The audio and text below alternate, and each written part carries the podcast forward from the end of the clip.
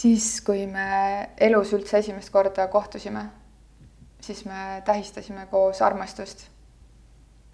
ja, ja me kohtusime sellises vormis, kus äh, mina olin sellel armastuse peol külaline ja sina olid, ma arvan, et pulmaisa, võib öelda, selle ameti kohta.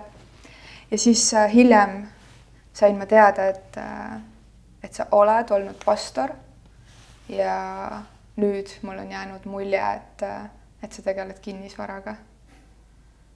nii et kui ma sulle helistasin, et saame kokku, et kas saame kokku, küsimärk, ja sa vastasid jah, siis äh, siis kõige muu hulgas äh,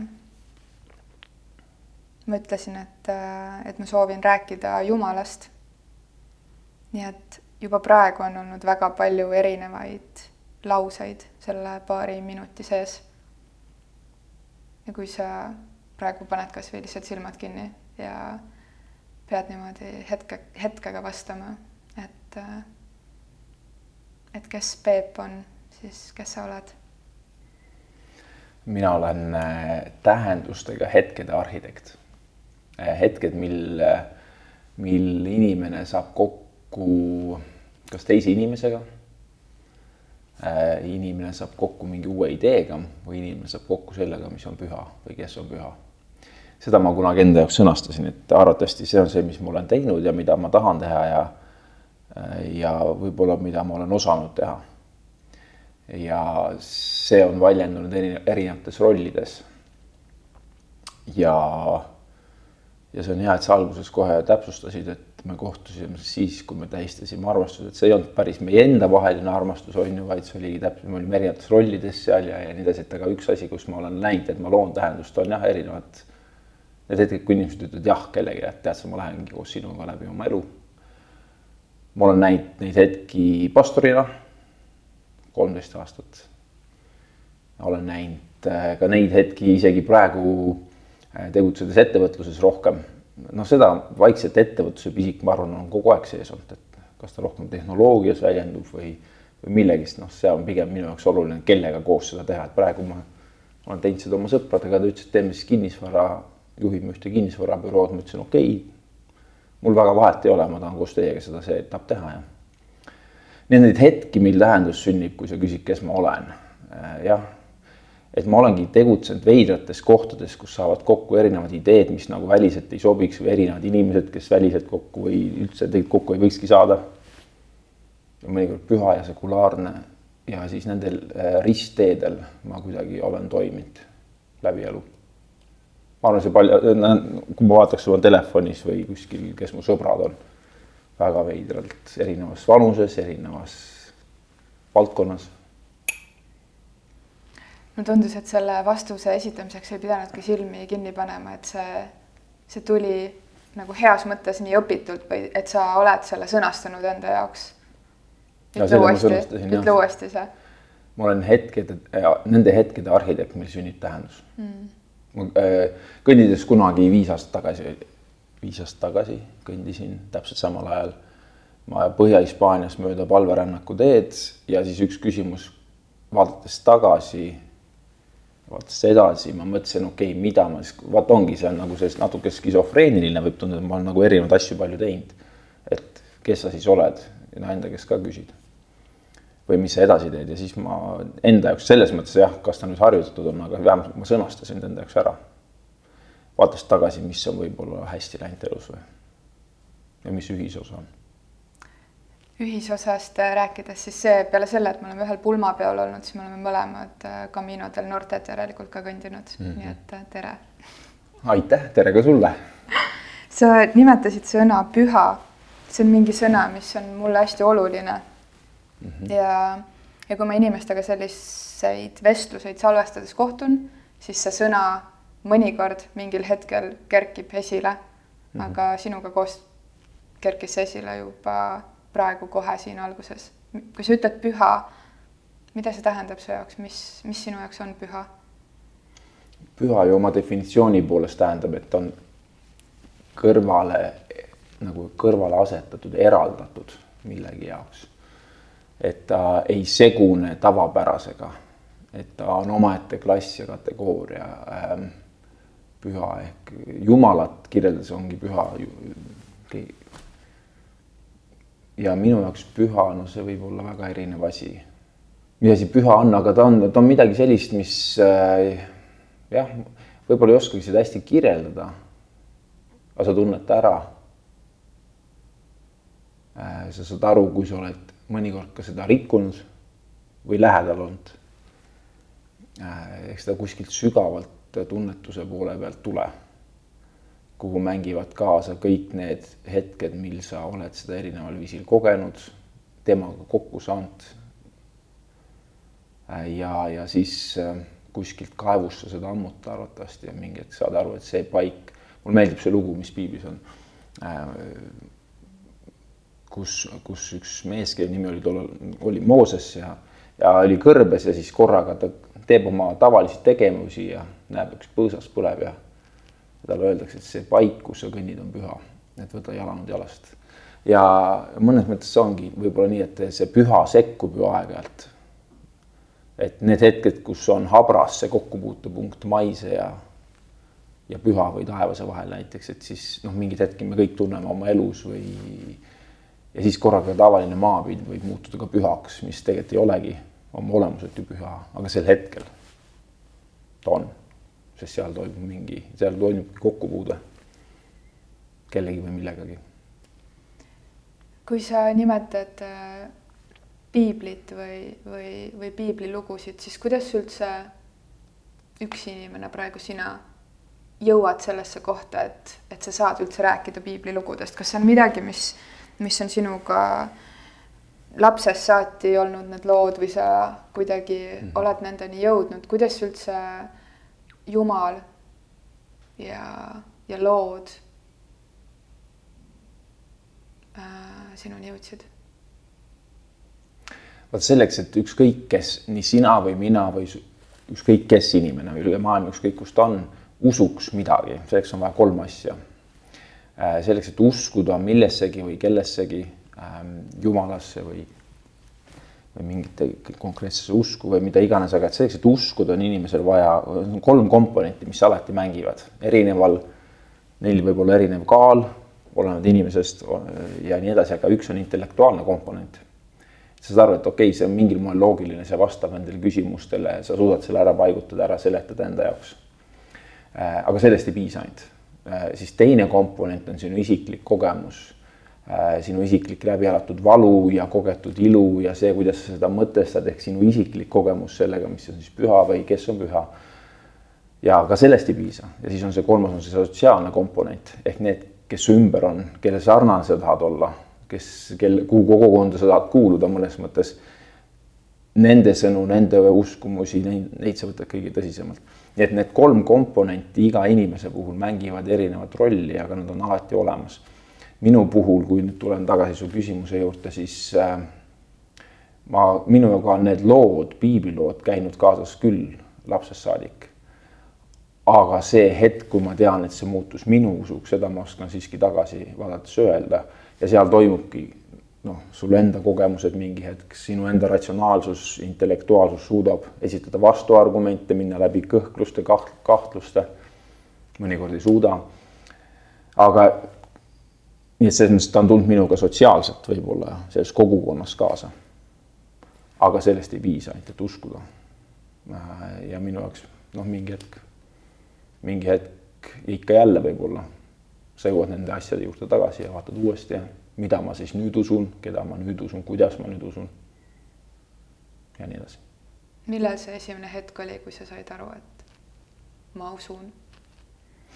Ma arvan, päris selline päris isiklik, mul siiani suht äh, no mingid hetked jäävad meelde, nagu sa ütlesid, lood ju kannavad meid, nende juurde ma tagasi ikka. mul siiani meeles üks õhtu, kui ma olin üksinda oma, oma toas no ma olin siis teismeline, varateis-, no kaksteist vast umbes, üksteist, kaksteist. ma mäletan, sel õhtul oli veel hiirelõks üles seatud ja see mingi hetk läks Anneliina korteris, käis kõmmakaga kinni, sest hiir oli sisse jooksnud sinna. Siis ta siputas. aga see ei olnudki oluline, see oli kuskil taustal ja siis ma mäletan, et siis ma ise samal ajal lugesin, lugesin küllap mingi, mingeid piiblilugusid, kas Vanast või Uuest Testamendist, kes seda enam mäletab. aga sel õhtul äh, kuidagi ma tundsin seda püha kohalolekut ja korraga ma tundsin, et täitsa lõpp, et noh, ma olin vanem vend ka ja mul nooremaid õdesid vendi oli hulgi ja, ja siis saad aru, et eh, ükskõik kui vana sa oled, tead su elus on nii palju jama, mis sa oled korda saatnud ja ei ole noh, tegelikult ma hakkan, siis hakkasid tundma seda nagu sa, minu jaoks oli see, kus sa noh, kristlikus võtmes ma ostaks selle termineid juurde panna, aga ma tundsin täitsa lõpp, et mu elus on ikka palju mööda elatud ja kui ma ühel päeval pean seisma selle ees, kes on püha, mul ei ole midagi öelda, tead sa, ma ei, need on asju, mida ma ise ei suuda endas muuta. Ja, ja lihtsalt sel õhtul ma mäletan, et eh, ma siis palvetasin ja rääkisin Jumalaga. ja kuigi see hiir oli seal ennem surnud ja, ja ma olin tundnud, et ma olen nii vilets ja, ja halb ja aga vot siis, kui sa koged seda vabanemise ja muutuse hetke ja sa tunned, et äh, et sul on lootus, sul on julgus, sa ei karda enam, mis tuleb. Ja sa võid seista selle eest, kes on püha, sest sul on andeks antud. Äh, ma arvan, minu jaoks oli see minu teekonna algus. ja kindlasti neid hetki on veel olnud, muidugi erinevatel hetkel, kus sa näed seda käekirja, kus sa näed loojat, kus sa näed seda, mis on suurem kui sina oma väikeste murede, rõõmudega jah, neid hetki on palju, aga see oli vast üks selline esimene. Mul on nii palju küsimusi, üks nendest see, et, et kui sa ütled, et sa olid teismeline ja lugesid, noh, ei mäletagi Vana või Uut Testamenti, siis juba see lause noh, ei ole tänapäeva ühi-, ühiskonnas väga selline, selline tavaline. No ma vaatan oma lapsi, neile üldse ei meeldi lugeda, ma mõtlen, ma lugesin terve piibliraamatu läbi esimest korda jah, kui ma olin ma arvan, olingi kaksteist. Või ma üritasin seda vaata, et iga aasta teha, noh. võib-olla mul oli see, et ma tahtsin aru saada, tahtsin mõista, tahtsin lasta sellele ennast muuta. et sa loed teksti ja tekst loeb sind nagu, kui sa õpid teoloogiat, mingi hetk saad aru sellest, et see on mõlemat pidi toimiv asi. küllap iga hea raamatuga äh, on see niimoodi, et sa vastad erinevatest rollidest suhestumas selle tekstiga. et selles mõttes see piibliraamat, kus on nii vanad lood kui uued lood Äh, minu jaoks oli ta jah, midagi sellist, äh, mida ma olin mõnes mõttes, eks ta, eks ma, eks ma olin selle ümber ju kasvanud üles, nagu ma olin näinud seda selles kogukonnas, kus ma olin. nii et selles mõttes ta ei olnud nagu minu jaoks, see oli normaalsus, see ei olnud nagu midagi erilist. nii et sa oled kristlikust perest pärit? jah, minu otses, ütleme, minu vanemad olid kristlased, seal on lugusid on ka erinevaid, vaata, aga kuidas, et selles mõttes, et jah, mu vanemad olid küll kristlased üks küsimus, mille juurde ma alati jõuan, kui me räägime Jumalast, on see, mis, mis mul kohe ka jälle uuesti üles tuli, kui sa, kui sa sedasama õhtut kirjeldasid, et, et miks see tunne või see järsku ärkamine või uskumine, miks see ei saa tekkida sinu arvates või saab tekkida iseenda sees, et mul ei ole vaja selleks justkui jumalat või, või kogukonda või, või neid, kes noogutavad samamoodi, vaid lihtsalt, et ärgata endasse ja saada aru, et, et mul on andeks antud, ma, ma usun endasse, ma olen, ma olen kohal, ma olen olemas, ma olen, ma olen julge, ma olen hoitud mm ma arvan, et kõik see, mis sa kirjeldasid, ma praktiliselt kõigega oleksin täiesti nõus äh,. välja arvatud see, et kui ma suudaks iseendale ka andeks anda, mingeid asju muidugi, mis ma olen suutnud enda suhtes teinud ja niimoodi ähm,. Neid ma peangi endale andestama, aga ma ei saa võtta, minu jaoks on see, tekib see hetk, kus ma ei saa olla, öelda, et mina ise olengi tegelikult Jumal. vot sellega ma ei ole nõus äh, vist ise, iseenda sees. et kui ma ütleks, et mina olen ise kõige suurem jamade põhjustaja, samas ma olen iseenda lunastaja, ehk siis ma võtan endale tegelikult selle jumala rolli.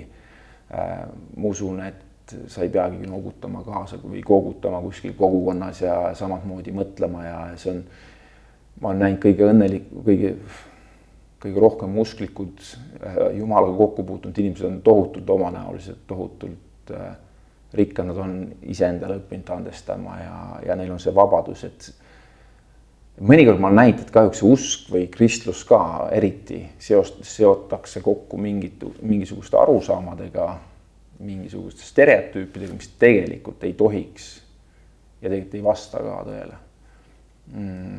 aga minu jaoks on alati see, et ma saan aru, et okei okay,, kuskil on minu piirid inimesena asju, mis ma olen enda suhtes nendega, asju, mis ma teistele olen teinud või ütelnud või asju, noh, neid asju ma ei suuda iseendale andeks anda, see oleks nagu veider, kuidas ma saan asju teha. iseendale anda andeks korraga.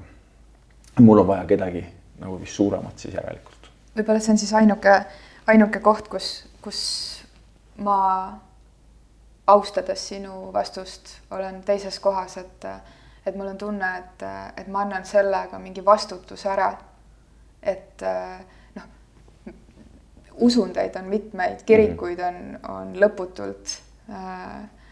Et, et see on ka eraldi teema, ma tahaksin küsida selle koguduse kohta, kus sa pastor olid, aga, aga nagu ma ei tea, ristiisa film on ju, et lööme kellegi maha ja siis lähme palume patud andeks, et see lunastus justkui tuleb väljaspool sind, sest et nagu, et et ma teen midagi, mida iganes halb kellegi jaoks mm. tähendab.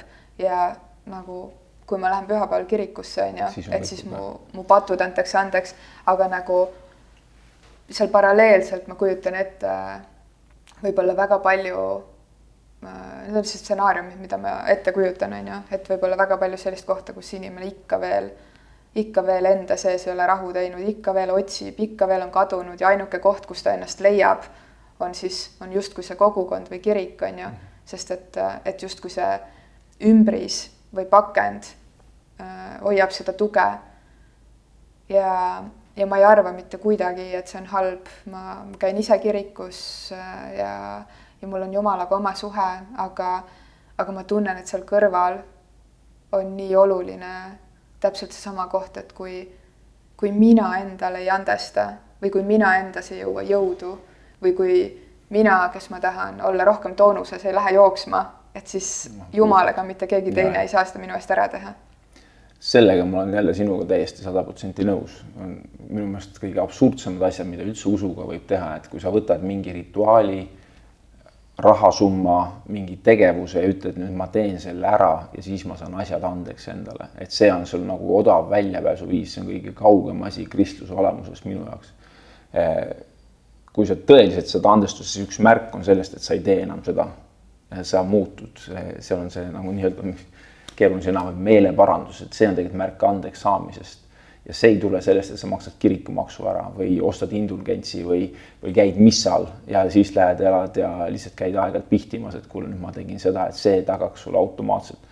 see on nagu nii pinnapealne arusaam äh, minu jaoks usust, et jumal muutub mingiks rahamasinaks, kus sa teed, paned asja sisse, siis teed oma liigutusi, siis tema on kohustatud sulle midagi tegema see, mida mina usun ja mida kristlik kirik võib-olla, okei okay,, neid kirikuid võib olla erinevaid ja see traditsioonid on seal muidugi mõnikord natuke erinevad rõhuasetused. aga see point on ikkagi selles, et kui sa saad kokku selle jumala kehastusega ehk see, et kui sa teed tõeliselt sa kokku Jeesuse Kristusega ja, ja mitte see, mis sina teed ja kuidas sa andeks palud, vaid see, mis tema sinu eest on teinud. ja sa mõistad ja see teeb sind alandlikuks, et see ei olegi midagi, mis mul on välja teeninud ja see teeb sind julgeks, sest see on sulle kingitud ja vot siis see alandlikkus ja julgus, kui need saavad kokku, siis su elu ei ole enam sama. ja siis ei ole see, et sa lähed ja maksad oma sada eurot ja, ja lähed, tapad jälle kellegi ja siis lähed jälle maksad sada eurot ja. aga kahjuks mõnikord see kristlus selline on ja, ja kristlased selleks või noh, kes ütlevad ennast kristlased olevat, usu nimel võid teha tohutut kurja ja õigustada kõige debiilsemaid asju. ajalugu tõestab seda ikka jälle ja ka ateistid kes ütlevad, neil ei ole usku, võivad teha tohutut kurda ja nii edasi, et inimeses on see kurjus kuskil südames olev. kahjuks.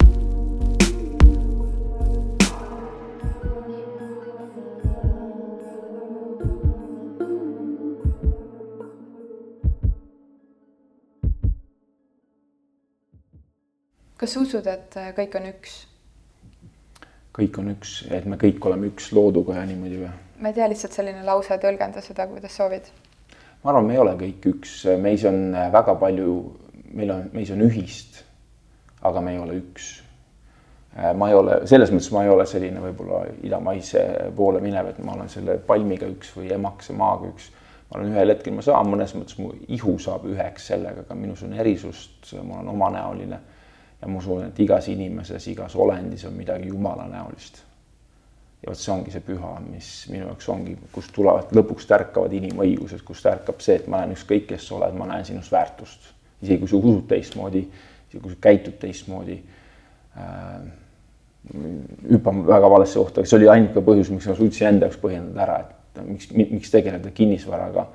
on see, et äh, ma usun, et igas inimeses on nii suur väärtus, et üks asi, mida iga inimene väärib, on kodu. Ja okei okay,, kuna minu suur alususk on inimese väärtus kust see tuleb, on minu usk, ma arvan. Äh, aga vot siis ma võin selles eluetapis tegeleda kinnisvaraga, kuna sa ütlen, näed sa, ma ei taha lihtsalt osta, müüa, arendada.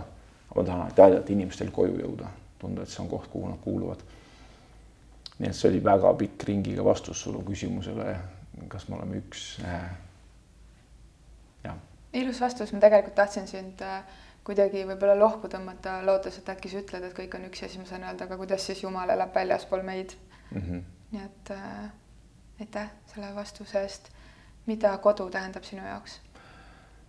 jälle ma kõlan nii, nagu ma oleks harjutanud asju, aga ma olen nüüd mõelnud palju läbi. kodu on koht, kuhu sa oled oodatud sellisena, nagu sa oled, alati. kas sa oled koju oodatud sellisena, nagu sa oled? jah. ja kodus võib olla, mõnikord mu sõbrad ütlevad, kodu on see, kus on koer.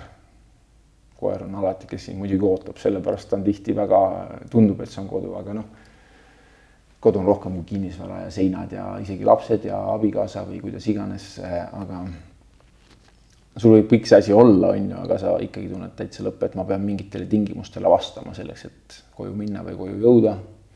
aga päris kodu on see, kus sa oled alati oodatud. ma olen nõus, ilma koerata võib mm. ka koju jõuda. võib, ma jõuan ilma koerata viimased kaks aastat koju või kolm juba varsti jah mida, mida arvata kõigest sellest, kui me, kui me räägime kirikutest, kirikust, kirikutest, et, et neid usuliine on nii tohutult palju, vahel on selline tunne, et et igaüks on kuskilt võtnud mm. selle, mida ta tahab ja pannud, hakanud oma tõde kuulutama, pannud mm. oma koguduse kokku mm., saanud saanud endale katuse peale ja, ja logo seinale, et äh, mis mm, -hmm. mis what's with that?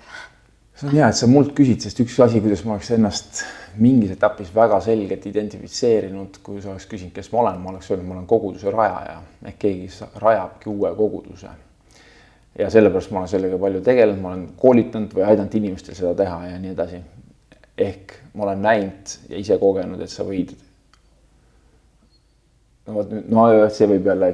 ära, ära vabanda ennast ja kasuta kõiki sõnu. formaadis võib-olla, aga noh, et kas me eristame kogudust ja kirikut mm. -hmm. Äh, kas kirikut saab rajada, arvates kirikut, me võime väga suurtesse teoloogilistesse vastuoludesse minna. aga ava lihtsalt ka see teema, et kogudus versus kirik või, või, või lihtsalt, et inimesed kuulavad, siis võib-olla on hea avada oleneb, kelle käest sa muidugi selle küsimuse no, küsid, mina olen sinult. selline, minu, minu vastus on lihtne, selline vaba koguduslikust teoloogiast lähtuv, et kirik on selline, võib öelda, et kirik sai alguse Jeesuse Kristuse sünnist, seda on erinevad tõlgendused, see on üks ja ainus kirik aegade algusest kuni lõpuni.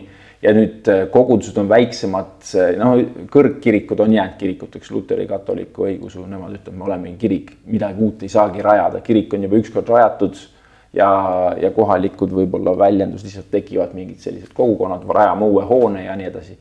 vabakoguduslik arusaam rohkem see, et noh, kogudus äh, on tavalised inimesed elamas tavalist elu oma kogukonnas, püüavad elada välja taevariiki võib-olla seal, tuua seda Jumalat rohkem nagu nähtavaks oma tegude, sõnadega, tegemata jätmistega ja, ja selles valguses mina olen näinud, et alati oleks vaja ja just oleks vaja väga palju erinäoliseid kogudusi ja kirikuid, sest me ei, oleme nii erinevad, siia, siia oleks vaja, Koplisse oleks vaja ühte nägu kogudust, sest see ei sobiks kuskile Lasnamäele arvatavasti, mis siin oleks ja, ja võib-olla Maardusse ja, ja nii edasi.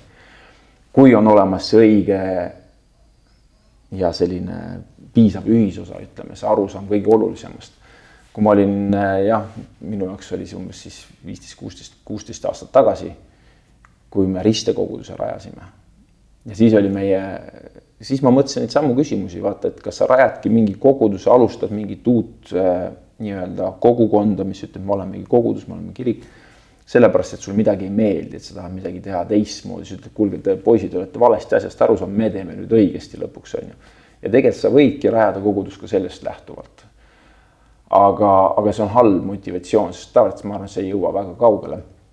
teine viis on see, et sa, sa võib-olla leiadki omad inimesed, kelleni jõuda ja meie jaoks oli see, et me ütlesime, okei okay,, astud kirikusse, astud nagu ajas tagasi, aga see ei kõneta tänast inimest, tänast noort, tänast noort pereinimest, et ma usun, et see usk ja see kristlus ja see, seal on nii palju nagu tõde ja olulist.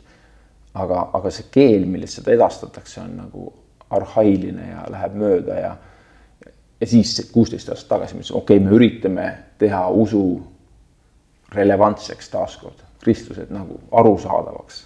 tänapäeva, tänapäeva keeld, olgu see siis läbi muusika, mis seal on, kõlab või olgu see läbi Äh, multimeedia kasutamise või olgu see noh, läbi mille iganes ja siis äh, ristekogudus nägi alguses natuke selline võib-olla noortepärane välja ja oma muusikastiilis ja me vastandusime ka, ma alles mõtlesin, näed, see on see koht, kus sa ei kuule orelimuusikat, see on koht, kus ei ole. ma armastan orelit. orel mulle ka väga meeldib, vaata, eks me kõik saame vanemaks ja nii edasi ja mõnikord ma kuulan kodus ka kõlarites kõvasti orelimuusikat ja nii edasi, aga aga seda tavaline inimene äh, väga tihti ei suhtestu oreliga muidugi. aga need hetked, vot see on huvitav, ega eestlane, kui ta läheb kultuurireisile, tihti astub kirikust läbi ja on väga selge arusaam, milline kirik peaks olema, mis on seal see püha atmosfäär ja mis asjad sinna ei sobi ja me ütlesime, et ei, et me tahame just tõestada, näed, see kogudus võib olla väga midagi maist ja, ja, ja pigem tavalised inimesed elamas tavalist elu. aga neil on üks eesmärk, mis on suurem kui nemad kas äh, nüüd sa ikkagi, kui ma sind kuulasin, siis äh, ütlesid, et, et luua erinevaid kogudusi ja siis vahepeal ütlesid luua erinevaid kogudusi ja kirikuid mm. -hmm. et mis tekitab ikkagi mul selline, sellise tunde, et, et Jumal, kes on üks ja ainus, ei sobi kõikidele nii-öelda usklikele. ehk et nad justkui ei võta seda, seda Jumalat sellisena, nagu ta on ja, ja tahavad kuidagi pühakirja tõlgendada omal moel. ma arvan, selles on palju õigust, eks me ju lõpuks tahame ikka tunda, et me teame asju paremini, oleme targemad kui teised. aga selle juures on muidugi see asi, mida tuleb meeles pidada, et see, kuidas sa saad täna asjadest aru, arvatavasti homme sa näed asju juba natuke teistmoodi. Eh, ja kui vaadata puhtalt inimesi ja nende usku ja, ja, ja kuidas see nagu küpseb või vastupidi, mõnikord mädaneb, mis ajas võib ka juhtuda, on ju. et siis mõnikord inimesed on, ma olen ka näinud oma tutvusringkonnas, kus liigutakse karismaatilisemast ehk siis nagu sellist vaimule rohkem rõhutud sellist üleloomulikku ja seda rõhutavast väljendusest rohkem sellisesse traditsioonilisse ja kõrgkiriklikku lausa, et et ütleme, karismaatilisuses on see, et Jumal on hästi-hästi lähedal ja hästi-hästi tegev ja siis seal kõrgkirikus lähed näiteks missale sa mõnikord ei saa aru, mis seal toimub, seal räägitakse sõnu võõras keeles, seal mingid turgilised elemendid ja Jumal on kuskil nagu mõnes mõttes nagu kaugemal. aga võib-olla sa tunned hoopis lähemana, et noh, ma olen näinud, et tegelikult toimuvad sellises liikumisega inimese enda usuteekonnal. aga noh, see ei olegi, ma arvan, mingi hetk sa näed, et mingid asjad usu juures tegelikult ei oma suurt tähtsust.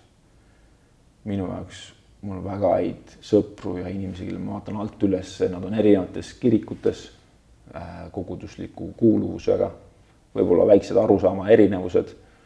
aga mingid asjad on, kus me oleme ühel meelel ja noh, lõpuks on see kristlusest rääkides. kuna ma ise ütlen, ma olen kristlane, siis lõpuks on see, et kes on Jeesus sinu jaoks. kui me selles oleme ühel meelel, muus, kas me ristime lapsi või täiskasvanuid ja mida me arvame, kui palju jumal sekkub ja mida me peame temalt kuulma igapäevaselt ja noh, need asjad, siis me võime erinevad olla natuke, aga mis siis. Kas sa tunned, et kõik su sõbrad äh, saavad olla su sõbrad siis, kui nad on kristlased? ei. ma arvan, mul on hästi palju sõpru ikkagi või pea kõik krist-, sõbrad on need, kes ei ole kristlased. ma olen äh, selleks, et minu sõber olla, ei pea olema kristlane, mõnikord mul tunne, et vastupidi, mul on vist teisi, teises servas pigem see jah, see pendel. Ja võib-olla paljude jaoks ma olengi veider, noh, et, et sa ei sobitu kuhugi. aga mõnes mõttes vaata, on vaja alati igas ajas ka neid, kes ei sobitu raamidesse, mitte et ma oleksin, arvaks endast nagu kõrgelt, et ma nüüd ei sobitu mingitesse raamidesse, aga aga minu jaoks see, et aru saama, et näiteks kuule, kristlane võibki olla normaalne inimene ja, ja et see on ka nagu oluline, et neid inimesi oleks nagu. ja kas sind kutsutakse, kuidas sind kutsutakse mittekristlastest sõprade poolt, noh, vahet seal ei ole, et oled see, kes oled. su ühest lausest äh, mõni aeg tagasi käis läbi sõna spirituaalsus. mida üldse spirituaalsus tähendab sinu jaoks? no oma definitsioonist lähtuvalt, eks sa siis järelikult tähendab spirituaalsus seda, et sa mõtestad, et kõik, mis on, ei ole ainult silmale nähtav, et on olemas ka teine maailm ja siis see arusaam sellest ja praktika, kuidas sa üritad sellega ühendust saada. ehk selle silmale nähtamatuga. muidugi see, et maailmas on kõige olulisemad asjad silmale nähtamatud, praktiliselt pea kõik, armastus ja, ja lootus ja ja, ja nii edasi, ka nendest alustades on ju, et äh, aga noh, spirituaalsus pigem tegeleks siis jah, selle teispoolsuse või vaim, vaimsusega. eestlane on äärmiselt vaimne rahvas lihtsalt me ei ole hästi religioosne võib-olla sellises standardses mõttes kirikutesse kuulumise mõttes, aga maailmas üks spirituaalsem, Euroopa üks spirituaalsemaid rahvaid, sest me igaüks konstrueerime iseenda usu ja usume hästi palju loodusesse, haljatesse, vaimudesse, sellesse, et midagi on veel, aga me tihti ei oska näppu peale panna, mis asi see on täpselt. kas sa usud, et midagi on veel? ikka ma usun seda, et silmale nähtamatut on nii palju. kas sa kas sa oled vaimne? Ma arvan, iga inimene on vaimne olend, see on üks osa, kellest me oleme, võib-olla see on väga maha surutud, aga see on niisugune Vana-Kreeka lähenemine, et ihu, hing ja vaim, aga, aga ma arvan, igas, muidugi me oleme vaimsed olendid. midagi on, mis ärkab ellu siis, kui me saame kokku sellega, mis on püha, mida, mis muidu ei ole elus, ma arvan. mina tõlgendan spirituaalsust, kui võtta lihtsalt see sõna äh,, ütlen ingliskeelse lause, et we all have a spirit mm. ja, ja, ja ikkagi ma kuulen kirikuringkondades, kuidas äh, justkui spirituaalsust äh, proovitakse äh, eemaldada nii-öelda siis või noh, nagu et, et, et kui sa usud Jumalat, et siis sa ei saa olla spirituaalne. kuidas mm, -hmm. need kaks mõtet sinu jaoks? Jah, ma, ma arvan, eks siin sõltub hästi palju definitsioonidest, on ju. Äh,, täpselt nii, nagu sa defineeriksid Jumala, üks meist defineerib nii, teine naa.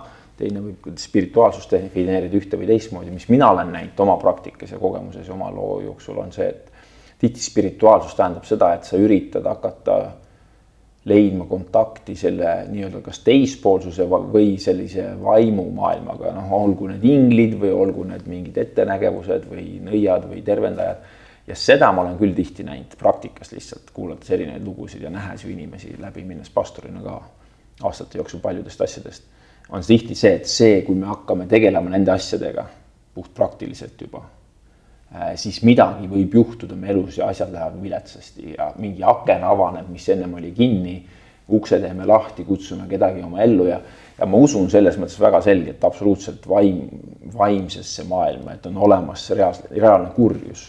Äh, ma olen seda ikkagi väga lähedalt kogenud äh, palju kordi. ma usun absoluutselt, et, et olemas noh, Jumal minu jaoks võib see pühadus ja see valgus, ma olen nagu selles mõttes äh,. kui sa oled selle seal lähedal, sa näed, et see ei ole, need ei ole üldse naljaasjad. Need asjad on nagu nii reaalsed ja see kõlab võib-olla kahekümne esimesel sajandil äh, veidralt. Aga kui sa avad ukse valele asjale oma elus, siis see võib valesse kohta sind välja viia ja seda ma olen kahjuks näinud. see, kuidas ma kuulen, on nii, et sa ütlesid, et justkui jumalikkus on seotud positiivsusega ja vaimne maailm on seotud negatiivsusega. vaimses maailmas on ka ingleid ja positiivsust väga palju. aga lihtsalt see on maailm, mida me ei kontrolli ja seal on määramatust ja seal on noh, me tihti ei kontrolli neid jõude, kellega me ühendust hakkame, seal on nagu nii hea või noh, kuri võib peita ennast nagu valguse ingli taha mõnikord ja nii edasi, seal on sellist halli ala lihtsalt palju, seda ma võib-olla, et ma ei vastanda nagu vaim, vaimuliku maailma jumalaga, kindlasti mitte, ma arvan, et jumalal on seal oma selge käsi sees, aga noh, see ongi kõik see, mis on ümber. ja küllap siin ruumis on ka omad vaimsed lahingud ja nii edasi. et lihtsalt äh, piiblilugudes ja on nii palju, ma ei tea, apostleid, tegelasi äh, keda, keda iganes, kellel on äh, ka eri, kes on erinevate lugudega seotud erinevates rollides. et, äh, et ka miinusmärkidega rollides. absoluutselt.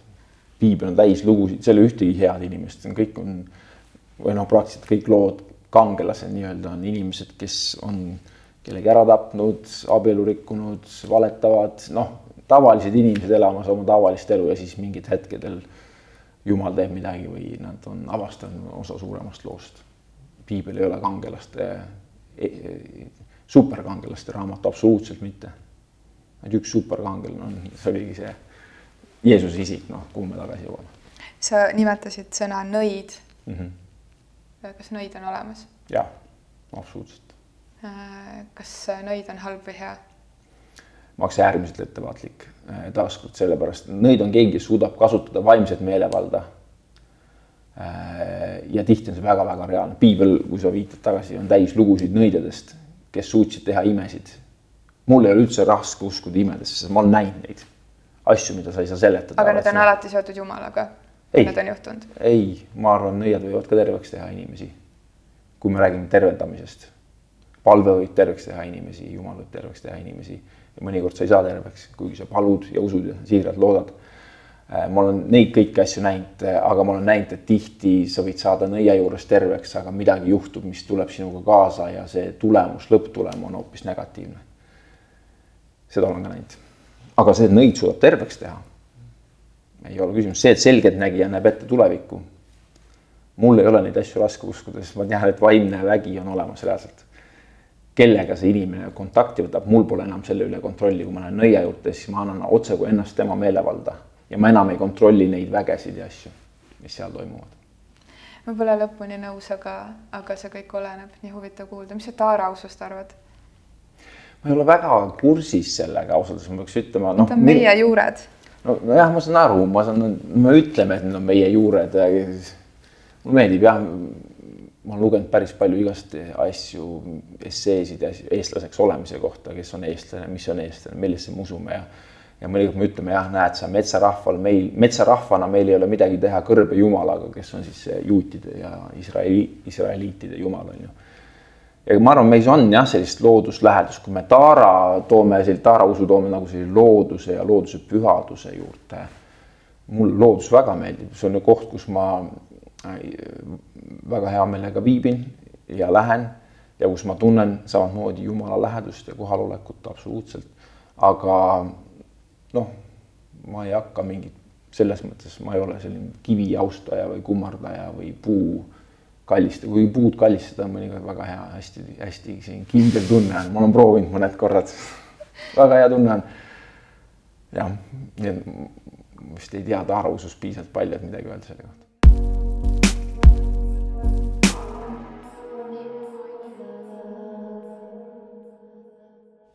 Veel paar, paar küsimust kuidagi lihtsalt läbi sinu, läbi sinu vastates huvitav teada. et äh, ristisõjad või see, kuidas äh, usk on peale surutud, et ka meie pühad paigad, millest sa ütled, et sa väga palju ei tea äh,, on, on väga palju nii-öelda ristisõdade tõttu hävinud. et äh, mida sellest arvata, et üks usk peab ennast läbi vägivalla kuulutama? see on äh, kohut-, see on totaalselt vale ja kohutav viga ja ma ütlen, et selliseid asju ei oleks kunagi tohtinud teha. Äh, ristisõjad või õigustada ükskõik mis vägivalda usu nimel. see toimub praegu ka ju vaadates Moskva-Ukraina sõda, kus mõlemad õiguslikud maad ja Moskva patriarh ütleb, et või kes iganes seal võib öelda, Tšetšeen ütleb omalt poolt, näed, islamiusus ja patriarh ütleb, näed, see on püha sõda, me läheme mingi satanis.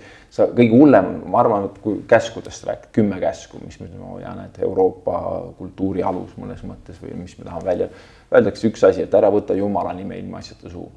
ja minu jaoks vägivalla õigustamine usuga on see, kus sa lükkad süü Jumala kaela, ütled, näed, Jumala nimel me teeme seda ja see ei ole mitte, vot see on see, et sa võtad Jumala nime ilmaasjata minu jaoks suhu, et sa, sa annad, lood vabandusi iseendale kõige selle kurjusele, mis su sees on inimesena, inimkonnana. nii et risti seda mingit õigustust mina nendel ei näe, okei okay,, nad võisid tuua mingeid häid asju kaasa pikas perspektiivis ja eks see toimus üle Euroopa millegipärast eestlastena läbi novellide, mis me kesk, keskkoolis oleme pidanud lugema, meie Pornhub ja kõik need on nagu. me tunneme siiani hästi traagiliselt, teised riigid me ümber millegipärast seda kuidagi nii traagiliselt ei tunneta, aga see on meie eestlaseks olemise üks osa, ma arvan, aga. aga risti, ma olen näinud ka mitte ainult muidugi kristluses, vaid ma nagu islamis ja, ja, ja nii isegi ütleme budistlikus ja kõigis läänes, kõikidest usunditest on aeg-ajalt tõusnud esile selliseid vägivalla õigustamine usu nimel, nagu ka ateismis Stalin, kes ei usu mitte millessegi, vaata milleks õigustades seda usku, mis kurjas inimene võib korda saata, nii et äh, usu nimel, ükskõik millise usu, usu nimel on tehtud igasuguseid sigadusi ja kindlasti tehakse ka edaspidi. aga kui see, et sellel maal, kus me elame, et me olemegi olnud looduse usku rahvas, et meie pühad paigad on olnud allikad ja hiiekivid ja, ja hiiepuud. et äh, ja siis kristlus lihtsalt piltlikult sõidab, sõidab sellest üle ja, ja, ja ehitab müürid ja ütleb, et, et mm, -hmm. et Jumal elab siin, on ju mm, -hmm. nagu nende müüride vahel. et see on ja. midagi, mida ma ikka veel kuidagi haukan ja, ja proovin, proovin mõista jah, ma arvan, et üldse, kui sa ehitad mingi hoone, nüüd väidad korraga, et Jumal elab siin, see on üldse väga selline arrogantne väide, et miks Jumal nüüd korraga seal rohkem elab või kus ta siis ennem oli, ei olnudki kodu tal või. et äh, minu jaoks sakraalsetel hoonetel on alati oma koht ja paik ja ma tean, paljud minuga siin ei nõustuks, aga noh, minu jaoks iga ruum võib olla püha ruum, sest seal on Jumal kohal, on ju, ja nii edasi ja samamoodi see võib olla hiie, hiiesalu või lihtsalt kase, kase lukakene kuskil vanaema metsas või, või mis iganes. see on veider, me oleme eestlastena, kui vaadata kõiki ümbritsevaid rahvaid, siis me oleme ainuke rahvas, kellel pole olnud ütleme sellist arusaama ühest Jumalast meie algusus võib-olla, kui me vaatame Skandinaavia rahvaid, kõiki rahvaid meid ümbritsevast, kes siin on, me oleme ainukesed, kes ongi sellist vaimude usku olnud ja nagu sellist jah, ja see eristab eestlast üsna selgelt. ma ei tea, kas teisi ugrilasi ka, aga meid vähemalt küll. mis sellest arvate? kui ma arvan, see viibki meid sinna spirituaalsusesse ka tänases päevas, et see on kuidagi meis tegelikult olemas ja mõnes mõttes võib-olla see umbusk usu suhtes, mis tuleb väljaspoolt ma arvan, et see kindlasti saadab meid. eestlased siiani mulle meeldib aeg-ajalt, kord viie aasta tagant toimuvad suured põhjalikud küsitlused usust, elust, usuelust, selle nimi on selline küsitlus ja siis uuritakse, mida inimesed usuvad, väärtustavad ja nii edasi. ja seal ikka tulevad huvitavad asjad välja, et äh, näiteks eestlased suurema tõenäosusega usuvad, ufod tulevad ja vallutavad maailma ära, umbes vist neliteist või viisteist protsenti usuvad seda ja siis äh, ainult kümme protsenti usub, et näiteks, et jah, et äh, Jeesus või et ta jah, et Jeesus Kristus on näiteks maailma päästja või midagi sellist. et noh, me, meile meeldib igasuguseid asju usku, uskuda eestlasena ja võib-olla vahetada seda, teha nagu oma kompott sellest, mis minu uskumus on ja kes minu jumal on no ufode osas ma ei mäletagi, me oleme öelnud UFO, aga NASA on juba nagu ühe teise kolmetähelise ühendi kasutusele võtnud, mille nimi mul hetkel ei tule meelde ja avatud toimikud kõigile lugemiseks, et, et see on niisugune eraldi, eraldi pikem teema, et, et seal isegi need, kes on öelnud, et no, no, no, lihtsalt NASA toimikuid praegu, avalikke toimikuid lugedes ei saa, saa enam seda väita, aga mm. see on juba järgmise podcast'i teema. see on järgmise podcast'i teema Peep, äh, sa oled abikaasa ja isa. mis rolli ja millist, äh, millist kuidagi kaart sa isana kasvades läbi oled teinud? et sa ütlesid äh, alguses ise, et sa, sa teismelisena lugesid piiblit. et äh, mainisid, et sinu lapsed praegu nii palju ei loe, aga, aga mida, millist kristlikku kodu või maailmavaadet või, või, või soojust või, või kuidas sa oled seda jaganud, mida tähendab kasvatada üles peres, kristlikus peres lapsi? no see teekond või see hetk, kui, kui sinust kui mehest saab isa ja kindlasti noh, naise poole pealt, kui naisest saab ema, seda ma ei, isiklikult ei ole läbi elanud, aga, aga lihtsalt see hetk, sa saad aru, on ju, et su, et miski pole enam päris selline. Et su süda lähebki suuremaks. sa tead, et sa ei saa kunagi olla õnnelikum. kui see, kui õnnelik su laps on või noh, selles mõttes, kui sa, sa ei saa olla õnnelik ja rõõmus, kui näiteks tema kannatab mingi hetk, üks noh, su elu, no su elu läheb suuremaks, süda läheb suuremaks, mingid piirangud tuleb võib-olla, mida ennem ei olnud ja kindlasti see muudab hästi-hästi palju. Ähm, minu jaoks on oluline olnud läbi elu see, et ma ei ürita olla kuidagi erinev inim-, inimene erinevate inimestega suheldes, erinevates keskkondades, ma olen see, kes ma olen. Äh, ma olen see, kes ma olen ka kodus ja ma tahan olla ka väljaspool kodu see, kes ma olen. nii et laste jaoks üks olulisemaid asju on, on püüda näidata, et ähm, et, et ka nemad julgeksid olla need, kes nemad on. Nad peavad leidma oma tee oma lood, oma kokkupuuted sellega, kes on püha. Ähm, aga mida mina saan teha, on elada oma elu ja modelleerida seda, mida mina oluliseks pean. Äh, see on olulisem kui sõnad, mis ma neile ütlen. see, mis ma teen ja tegemata jätan, ähm, on see, mis nad suure tõenäosusega kaasa võtavad mingid väiksed asjad muidugi, mingi hetk ma mõistsin, et okei okay,, kuidas ma sõnastan, et äh, just laste jaoks siis sõnastasingi äh, viis asja, mis me tahame välja elada perena.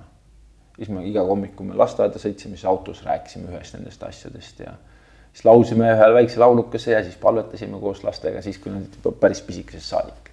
mul on need asjad meelde, ma arvan ka nendele jäävad näiteks need asjad meelde ja needsamad mingi viis väärtust, mis meil näiteks on, et see, et sa annadki alati endast parima või sa kohtled, sa paned teise endast ettepoole, ükskõik kes ta on.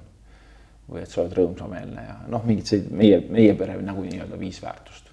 Et sa üritad leida selle, mis on sinu jaoks oluline, teha selle arusaadavaks lastele, seda ise välja elada, aga seda ka sõnastada. seda ma olen püüdnud teha isana ja ma olen näinud, kuidas muidugi laste vanusest noh, vaata, see elu ju muutub, kui nad on väiksed, armsad ja tahavad sul kalli teha ja sülle ronida ja siis nad muutuvad teismelisteks ja ja nii edasi ja nad ei taha, et sa neist pilti teed ja, ja eriti sotsiaalmeediasse midagi paneksid, no ühesõnaga, see on nii põnev teekond ja kindlasti see jätkub ja ma kardan seda päeva, mil mu tütar ühel päeval ma peaks näiteks teda kuskile altri ette temaga minema ja viima teda ja, ja noh, ma isana nagu, ma olen seda näinud palju kordi ja ma kardan seda hetke, sest ma tean, et siis nagu midagi, ma ei tea, kas ta murdub minus, võib-olla selles hetkes ma tunnen teistmoodi, et aga see isana oma lastega suhtestumine ja see roll, mida sa pead täitma, eh, noh, kindlasti ajas muutub.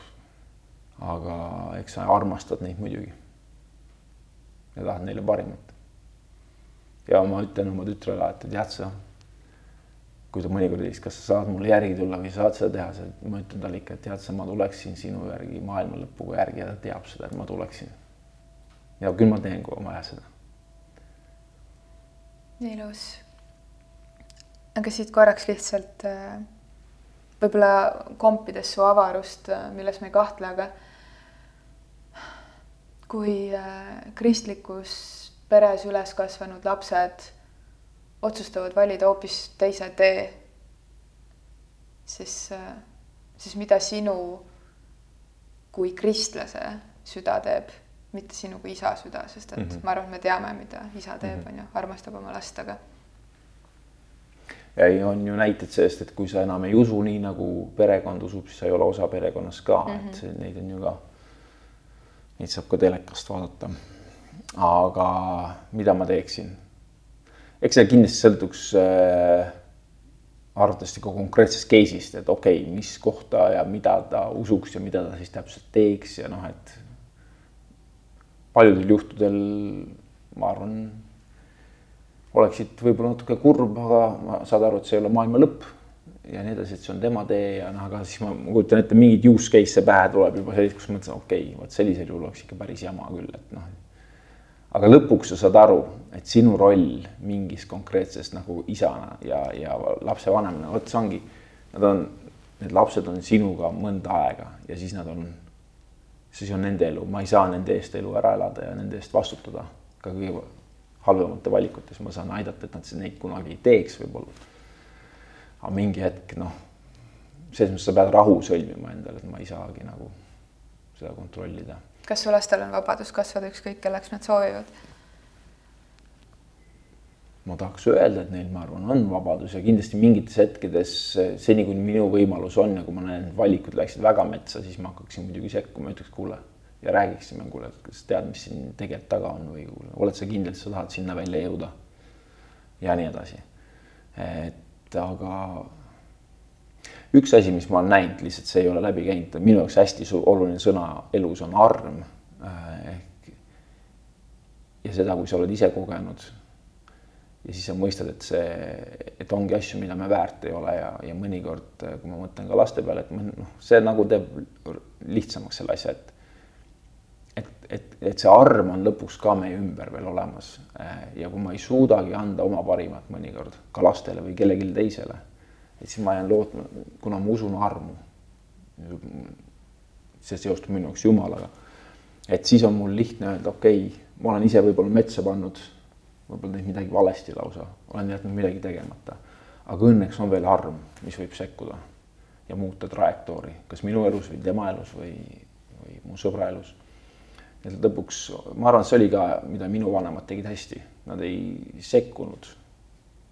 Nad elasid oma elu ja, ja tegid seda nii hästi, kui suutsid.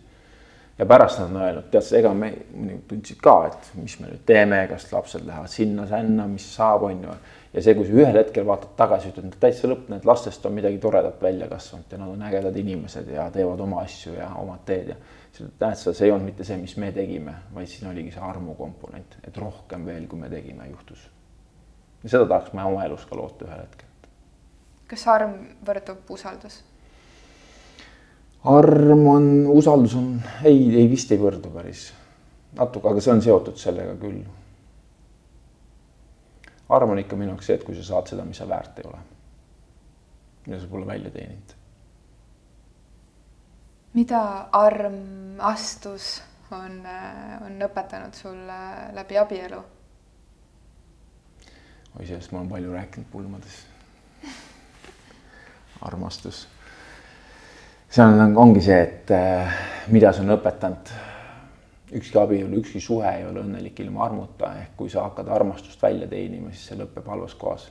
sa ei ole kunagi, me keegi ei ole igas hetkes väärt teise inimese armastust, me teeme asju, mis ei ole armastust väärt.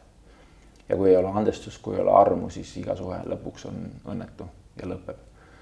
ja kui ei ole astumist ehk samas suunas astumist, teineteise suunas astumist, äh, siis sa võid küll väga teist armastada, aga sinu armastus ei jõua kohale ma arvan, neid asju ma olengi õppinud elus, et on erinevad etapid, kus need sihtmärgid on erinevad, aga kus sa pead pidevalt nagu pingutama ikkagi selle poole, et, et lähedus ei läheks kaduma. et astuda teineteisele lähedale, sest ilusad asjad sünnivad lähedusest ähm,. ja ma võiks rääkida nii astumisest kui armastusest ja armust äh, ja kuidas need kokku on armastus, aga noh, ma olen ikka mõnikord ütlen, et armastus astub alati esimese sammu ja jätab viimase sõna jube raske öelda, tähendab lihtne öelda, aga raske elada. aga noh, tihti see, ma arvan, nii ongi, armastus võtab selle tingimuse ära ja teeb rohkem, kui peaks. andestab siis, kui tuleks, et teeb selle esimese sammu, võtab koma ära ja paneb punkti. ja, ja viimast sõna jätta ei ole ka lihtne, eriti kui sa, kui sa arvad, et sul on õigus ja, ja mina tihti arvan, et mul on õigus ja, ja minu abikaasa arvab ka, et temal on õigus ja, ja nii edasi, et noh mingit dünaamikat, kus sa asetadki teise lõpuks endast ettepoole ja võidad läbi selle, et see summa summarum on suurem kui see konkreetne tehe. Aga sellest võiks küll, ma ei tea, sellest võiks palju rääkida, jah. no me võime, me võime jätkata, me oleme, meil on erand, erandepisoode olnud ka, meil on erandepisoode olnud ka pikemaid ja, ja mind väga huvitab mm, see, ma ei taha öelda, et on lihtne öelda, aga, aga see, et äh, justkui noh, ma tõlgendan läbi, läbi selle, kuidas ma kuulen või taipan, on ju. Et, et astuda lähemale ja, ja andestada. aga mingis mõttes see on lihtsalt äh, üks sõna mm, -hmm. mida saab lausuda, on ju. ja, ja see, mis on minu hästi suur meeldetuletus iseendale olnud ja, ja see, kuidas ma olen käinud, käinud äh, viimastel aastatel on on ühe kunagise sõbranna öeldud lause practice what you preach. et äh, kuidas andestada? andestus on alati hästi kallis, arm on alati hästi kallis, see ei ole tasuta. keegi alati maksab hinna äh,. kui ma midagi siin ära lõhun praegu, sa võid öelda, okei okay,, pole midagi, ikka juhtub, saad andeks ja mina ei maksa midagi, aga sina maksad selle asja kinni. andestuse ja armuga on samamoodi, et see tundub nagu, ta on ühtpidi tasuta, aga, aga, aga osutada on seda kallis. ja, ja kuidas andestada? me tihti tahamegi andestada niimoodi, et äh, me viskame selle asja merepõhja, aga paneme selle asjale juurde mingi suure vägeva poi ja et lipu ka, et alati oleks näha ja välja võimat-, võimalik tõmmata sealt merepõhjast see asi, mis me oleme nii-öelda andeks andnud, et inimlikult on see vist jah, võimalik, ma arvan, miks ma tulen nagu selle juurde, usu juurde siin tagasi, on see, et noh, ma olen näinud, et kui sa ise mõistad, et sa oled andeks saanud, et andeks saanud inimesed suudavad andeks anda. Seni, kuni ma olen veendumusel, et ma olen kõike õigesti teinud, ma olen kõike väärt seda, mis ma ei tahagi andestada, kuule, saa ise hakkama või see on sinu süü või noh, ühesõnaga siis ma võtan hoopis teistsuguse arusaama. Aga kui minu usust lähtub see, et kuule, no mis Kristus, me kõik oleme rohkem eksinud, kui me oskame ette kujutada ja rohkem armastada, armastatud, kui me loota oleme julgenud, et kui sa mõistad seda, et kuule, sa oled ise nii jamasti elanud ja sul on nii palju andeks antud et siis kuidagi see annab ka selle, minu jaoks on teinud andestuse nagu võimalikuks, ma arvan, muidu mul oleks väga palju raskem andestada. aga see ei tähenda, et noh, elu igapäevasuses muidugi on hetki, kus sa saad ikkagi väga sügavalt haiget. Ja kus, kus andestamine, kus sa lõpuks jõuad muidugi arusaamale ja, ja me teame, et kui sa ei andesta, siis see koorem jääb lõpuks sulle kõige rohkem kanda ja sa ise hävid ja sa jood seda mürki pidevalt ja nii edasi, et noh, ratsionaalselt on jumala mõistlik andestada aga ega see ikkagi lihtne ei ole. jah, ma ei oskagi öelda vist, ma arvan, ma ei tea, kuidas. võib-olla see asi jah, et kui sa tahad õppida andestada, andestama, siis mõista ise, et sa oled andeks saanud. See on, see on nii, nii ilus mõte äh, mul hetkel tuli korraks meelde, et meil on siin podcast Armastuse voos salvestatud kunagi Merle Liivakuga episood kus äh, täiesti aru saamata, kuidas, aga, aga meie vestlus jõudis äh, andestuseni. ja, ja me kuidagi mingil hetkel, ma ei tea, kas me mõlemad koos isegi nutsime, aga, aga jõudsime tol hetkel äh, selle hetke tõeni, mis, mis seal kohal oli, et, et andestus on isegi kuidagi justkui, mitte et peaks võrdlema. uh, Elina, nii palju põimlauseid et andestus on äh, kuidagi olulisem ja suurem isegi armastusest, mitte et armastusest midagi oleks suurem, aga et, et andestus kuidagi sillutab armastusele teed. Ilma andestuseta ei olegi armastust, ma arvan ka. see on osa seal kuskil on peidus kindlasti. tihti on raske aru saada mingitest, kumb tuleb enne, kumb pärast, aga kuidagi nad põimuvad ja kuidagi nad on alati olulised minu jaoks on usk, lootus, armastus, nagu öeldakse, need kolm jäävad erinevas rollides. suurim neist on armastus. me ei tunne üksteist äh, tegelikult üldse, lihtsalt, äh, lihtsalt teame, aga, aga mul on tunne, et ma tean sind. Äh, ja, ja mul on tunne, et me oleme mingis osas väga-väga-väga sarnased ja, ja mingis osas loomulikult väga erinevad üks asi, mis meil on erinev, on see, et, et sina oled kunagi abiellunud ja oled ikka abielus. mina olen kunagi abiellunud ja enam ei ole abielus.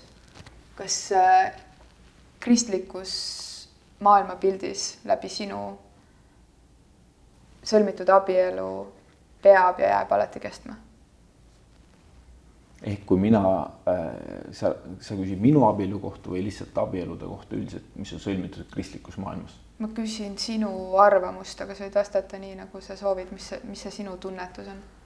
Ameerika statistika, teiste riikide statistikat ma ei tea peast, Ameerikas lihtsalt kristlus rohkem levinud, seal öeldakse, et kristlased äh, lahutavad pea sama suure tõenäosusega nagu mittekristlased, see on Ameerika näide. Eestis ma arvan, see on natuke kindlasti teispoole kaldu, et kirikutes on vähem lahutusi, aga võib-olla on rohkem õnnetuid abielusid mõnikord. tähendab, kindlasti on ka neid, ühesõnaga seda ma tahan ka öelda. ma arvan, et abielu ei jää alati püsima. Ja jah, alati ei jää. aga see tunne kuidagi, et mis Jumala ees on sõlmitud, et, et nii, nii see mhm. jääb, kuni surm meid lahutab. jah äh,, muidugi, kui sa Jumala ees asju sõlmid, nendel asjadel on tihti suurem kaal. aga mingi hetk äh, oleme inimestena valmis kõiki lepinguid ümber mõtlema, ümber sõnastama, tühiseks tegema ja me vabandame tavaliselt need asjad endale väga hästi ära. kindlasti ka Jumala ees sõlmitud lepingud me suudame samamoodi välja vabandada, ümber mõelda, tühjaks teha. see on, kuna ma olen tõesti neid suhteid näinud nii palju lähedalt ja lugusid nii tohutult palju erinevat kuulnud, ma arvan, ma ei ole kõige õigem inimene enam kristlikust vaatenurgast vastama teatud asjades, ma näin siis ma olen näinud äh, lugusid, mis vahepeal on hästi õnnetud ja lõpuks on jälle õnnelikud. ja abielusid ei lahutata ja ollakse koos pärast õnnelikumad ja ma olen näinud lugusid, mis lõpevad ja abielud lahutatakse ja inimesed on pärast uues abielus õnnelikumad, kui olid ennem. ja mõlemad ka kristlikus maailmas või noh, aga, aga üldiselt ikkagi, kui inimesed siiralt usuvad seda, millesse nad usuvad ja teevad abieluotsusega Jumala eest, siis need abielud jäävad püsima, aga mis ma olen näinud eh, tegelikult olulisem kui see, et kas on kristlik eh, taust või kas on kirikus sõlmitud abielu, mis ma olen vaadanud, et see statistika on nagu kuidagi väga veenev, on need abielupaarid, kes koos palvetavad. Need püsivad koos ja seal on lausa üheksakümmend protsenti abielusid jäävad püsima või rohkem isegi see on nüüd Ameerika statistika, kus on jälle uuritud, et, et mitte isegi see, et kuidas ja kus sa sõlmid abielu ja laulatus, on see laulatus või on see ilmalik. aga see, et see praktika, et kas te koos otsite ja teil on samad vaimsed eesmärgid ja koos kuidagi mõtestate ja suhtestute Jumalaga üheskoos ja eks palves saab nii valu kui ilu kokku ja igapäevased mured, aga ka midagi seda püha, et, et öeldakse, vot need paarid jäävad kokku. ja ma usun, seal on õigust. kas palve sinu jaoks käib ühes lauses kokku ainult Jumalaga mm,? ei, küllap vist ei käi, eks seal sa võid noh, manifesteerimine või eh, kõik need asjad, me võime neid öelda ka, et see on lõpuks palve nagu on ju, lihtsalt sa ei tea, kelle poole sa palvetad, sa loodad, et see läheb täppi ja noh, et see, keda sa kutsud või mida sa kutsud universumiks, järsku seal on Jumal või isegi kui sa sellest kõigest aru ei saa ja ja ma arvan, et selles mõttes, et eks seal palvel ole kindlasti erinevaid viise ja vorme, aga aga, ja, ja palve üks suuremaid asju on see, et see muudab ju sind, mitte see, et sa manipuleerid Jumalat midagi tegema ka kristlikus maailmas, et see ei ole, et sa nüüd palvetad õigete sõnadega ja Jumal on nüüd kohustatud sulle midagi tegema, nagu jõuluvana tooma sulle asju kohale, on ju vaid pigem, mis juhtub palves, on see, et su enda suhtumised lähevad paika, et sa saad aru, et see ei ole maailma naba, et on võib-olla veel mingeid asju, mida sa ei näe ja asju, mida sa tahad, tegelikult sul ei ole vaja.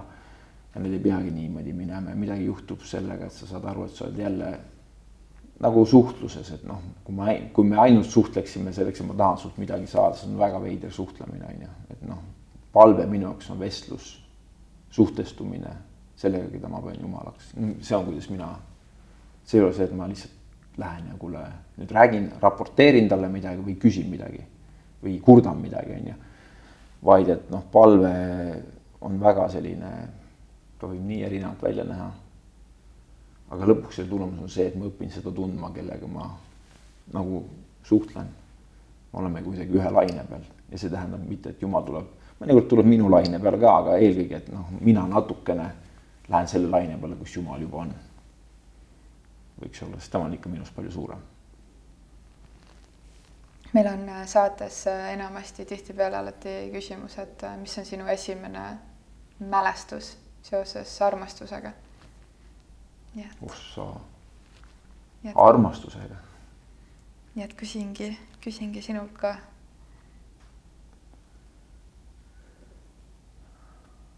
see on veider, sest et kui sa vaatad, võib-olla see on märk nagu õnnelikust lapsepõlvest. aga ma oskaks kõiki mälestusi ju noh, vaata mingil moel tõlgendada läbi armastuse olgu see, kui mul onu, kes oli mul väga hea sõber, tuli Moskvast tagasi ja ma mäletan, kui ta astub uksest sisse, ma olen nelja-aastane ja ta tuleb ja annab mulle mingi piilupart Donaldi täis topitud mängu selle noh, mänguasja ühesõnaga. Või kui ma näen oma vana-vanaema seismas köögi ukse peal, ma olen mingi õige pisike ja ta on hästi kühmus ja pisike ja lihtne talunaine.